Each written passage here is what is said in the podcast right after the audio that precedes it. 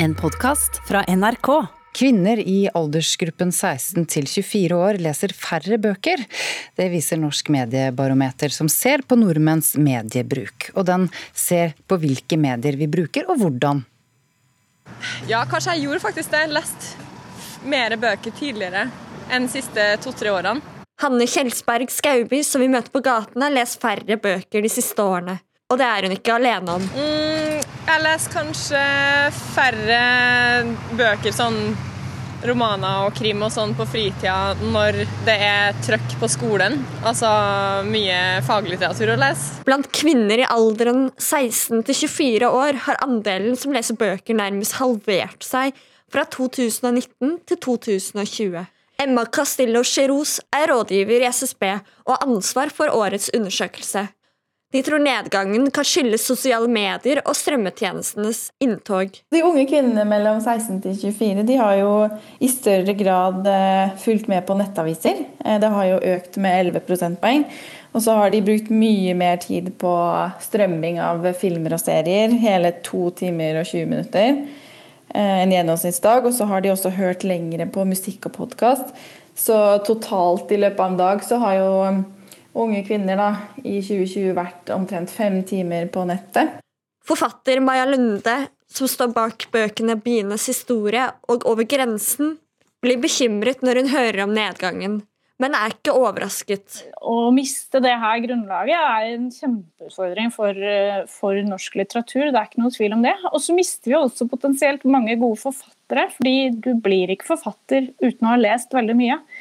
Eh, jeg er oppvokst med en stabel bøker rundt meg. Jeg ville aldri blitt forfatter hvis ikke det var for at jeg alltid har vært en storleser. Så det er eh, kan komme til å bli en, en stor utfordring for hele litteraturen. Så vi må på en måte spørre oss om vil vi ha et lesende folk. Eh, og det, hvis vi vil det, så må vi rett og slett gjøre mer for å få både unge jenter og gutter til å lese mer. Lunde har et tips til de unge kvinnene som ikke leser lenger. Ja, Det er jo å legge mobilen i et annet rom og sette seg med den boka. For det, det, vet man jo også gjennom mange leseundersøkelser, at folk ønsker å lese mer. Folk har lyst til å lese. Eh, men det er vanskelig når det er eh, noe som hele tiden drar i deg utenfra. Eh, og skru av push-varsler og legg mobilen helt vekk, og så sett deg ned. Ta deg god tid og bestem deg for nå er det faktisk dette jeg skal gjøre. Og da vet man jo også at jo mer man leser, jo mer lesekondis får man. Det sa forfatter Maren Lunde og mm, reporter Maja Lunde. Unnskyld. Reportere var eh, Thomas Alvarstein Ova og Heather Ørbekk Eliassen. Silje Tretvold fra foreningen Les. Hvorfor er det fint og bra å lese? Oh, det er godt for veldig mange ting. Eh, for det første så er det underholdning. Eh, og det hjelper deg til å trene fantasien. Eh, det gir deg kunnskap, det trener opp i å tenke den lange tanken. Og så er det jo andre fordeler også med å lese bøker, og det er at det utvikler og bevarer språket. Det skaper forståelse og empati. Og det gir deg rett og slett som veldig store opplevelser. Så det er mange gode grunner til å lese, som du skjønner.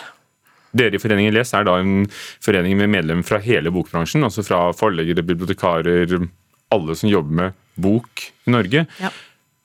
Hvilke tanker gjør du deg om at nettopp da unge kvinner leser mindre enn før, ifølge Mediebarometeret? Vi syns selvfølgelig at det er veldig dårlig nytt. Det som også er litt overraskende med den undersøkelsen her, eh, det at det er nedgang i lesing i enkelte aldersgrupper, det har man på en måte sett i mange ulike leseundersøkelser, men det at det er noe av unge kvinner, det er, eh, det er nytt eh, i denne undersøkelsen her, tenker jeg. Er, tidligere så har man jo på en måte sett ofte at det er en nedgang blant ungdom, og nedgang blant gutter. Ja, så det er et litt nytt resultat. Er det det samme hva vi leser, da? Altså Det å lese er jo så mangt. I gamle dager var, var foreldre bekymret for at barn kunne forlese seg på romaner. Ja, Nå er vel heller utfordringen at man leser eh, veldig fragmentert. Altså Man leser mye via digital... Altså verden er blitt digitalisert. Eh, vi driver mye med sosiale medier. Eh, så det som er viktig, er rett og slett Altså det er fint å lese man må trene seg opp i å lese lange tekster, om det er legeromanen eller Garman og Vorse, som du var inne på her at du har begynt å lese, det er egentlig litt det samme for meg. Eh, det viktigste er at man leser, eh, får leseropplevelser og gode opplevelser som man selv liker, sånn at man gjerne oppsøker det igjen på nytt. da.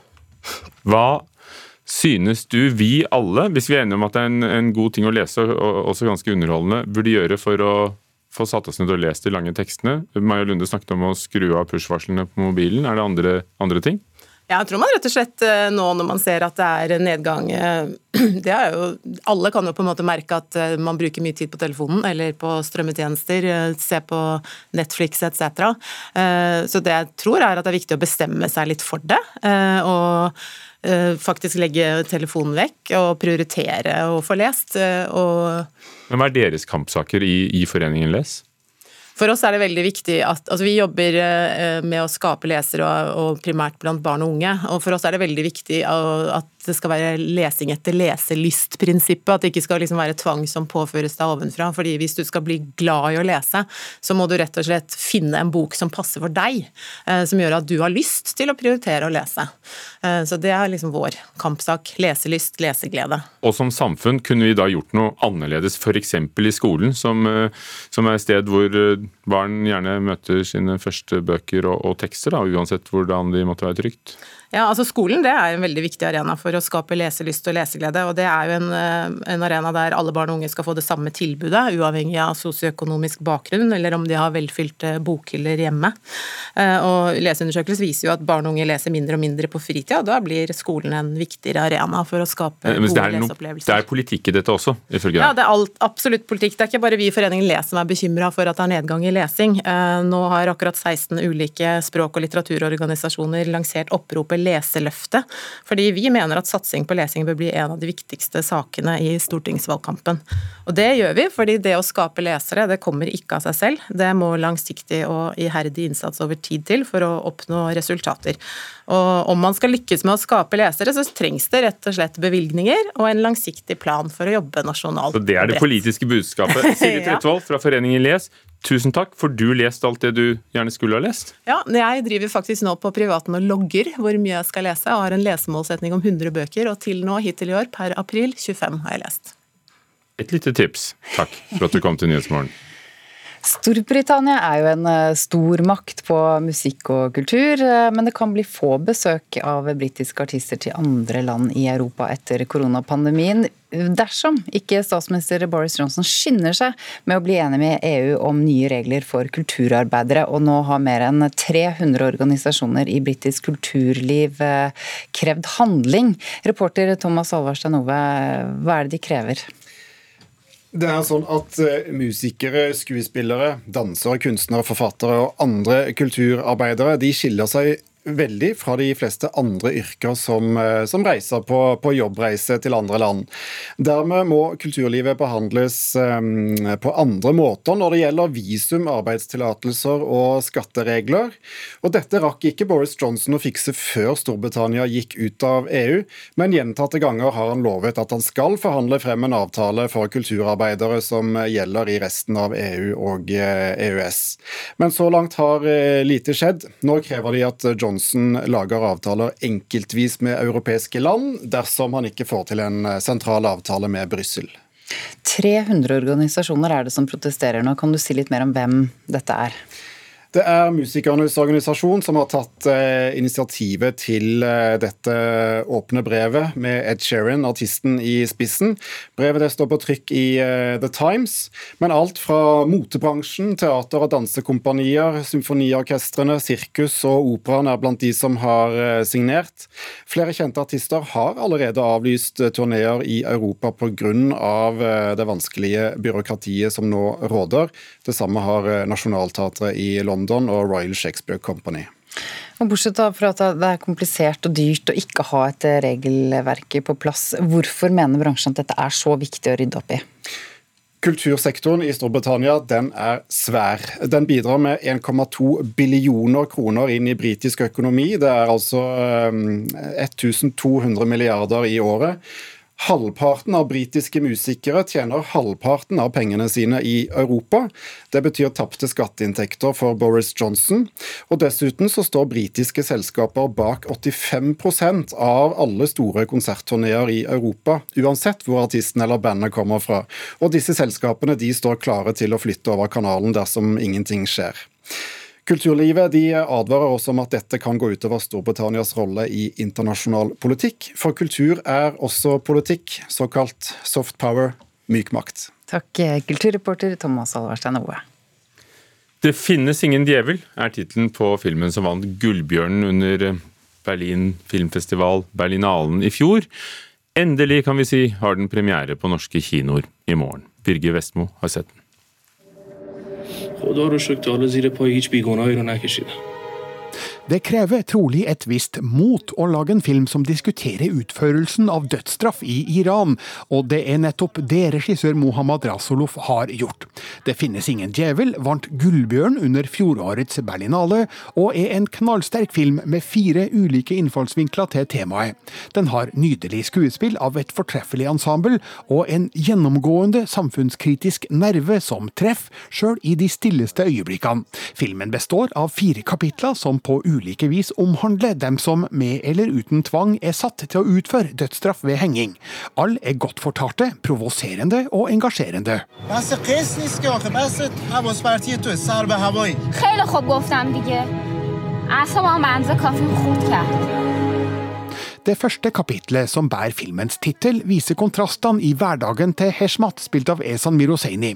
I det andre kapitlet, Hun sa til meg du klarer det, plages soldaten Poya, spilt av Kaveh Ahangar, av moralske kvaler. Kapittel tre, Bursdagen, forteller om soldaten Jawad, spilt av Mohammad Walisadegan, som kommer på overraskende besøk til kjæresten Nana, spilt av Matab Servati. Det fjerde og siste kapitlet, Kyss meg, innfører et vestlig perspektiv, når den tysk-iranske jenta Daria, spilt av Baran Sultan Rasulov besøker sin onkel Baram, spilt av Mohammad Sediki Mer, på den iranske landsbygda. این کارت منو یاد بابام میندازه اونم هر موقع یه چیزی رو نمیخواد بگه به جای اینکه راحت بگه نمیگم میگه بذار یه موقع دیگه میگم det finnes ingen djevel er en vesentlig film med dramatisk nerve og slagkraftig vilje. Fra et europeisk ståsted virker det umenneskelig at vernepliktige i den iranske hæren blir tvunget til å henrette fanger, men det her er altså en realitet, noe filmen diskuterer klokt fra forskjellige utgangspunkt. Filmen viser effektivt de menneskelige kostnadene og de langtrekkende konsekvensene ved praksisen. Man blir sjokkert over enkeltes tilsynelatende likegyldige innstilling, og engasjert i andres sterke motforestillinger.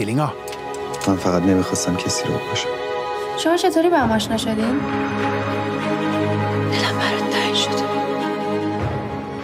Man ser en gjennomgående samfunnskritisk linje gjennom de fire kapitlene, uten at regissør Mohammad Rasulov nødvendigvis eksplisitt anklager det iranske regimets strenge lover og regler.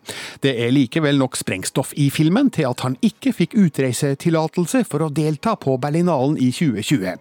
Det finnes ingen djevel er et betydelig verk som gir grobunn for diskusjon og ettertanke, og har store filmatiske kvaliteter som fortjener å bli opplevd på et stort lerret. اینجوری که تو فکر میکنی نیست با تو دارم حرف Terningkast fem. Gullbjørnvinneren fra i fjor 'Det finnes ingen djevel', anmeldt av Birger Vestmo. Alle anmeldelsene våre finner du på nettet, selvfølgelig, nrk.no anmeldelser. Du har hørt en podkast fra NRK. Hør flere podkaster og din NRK-kanal i appen NRK Radio.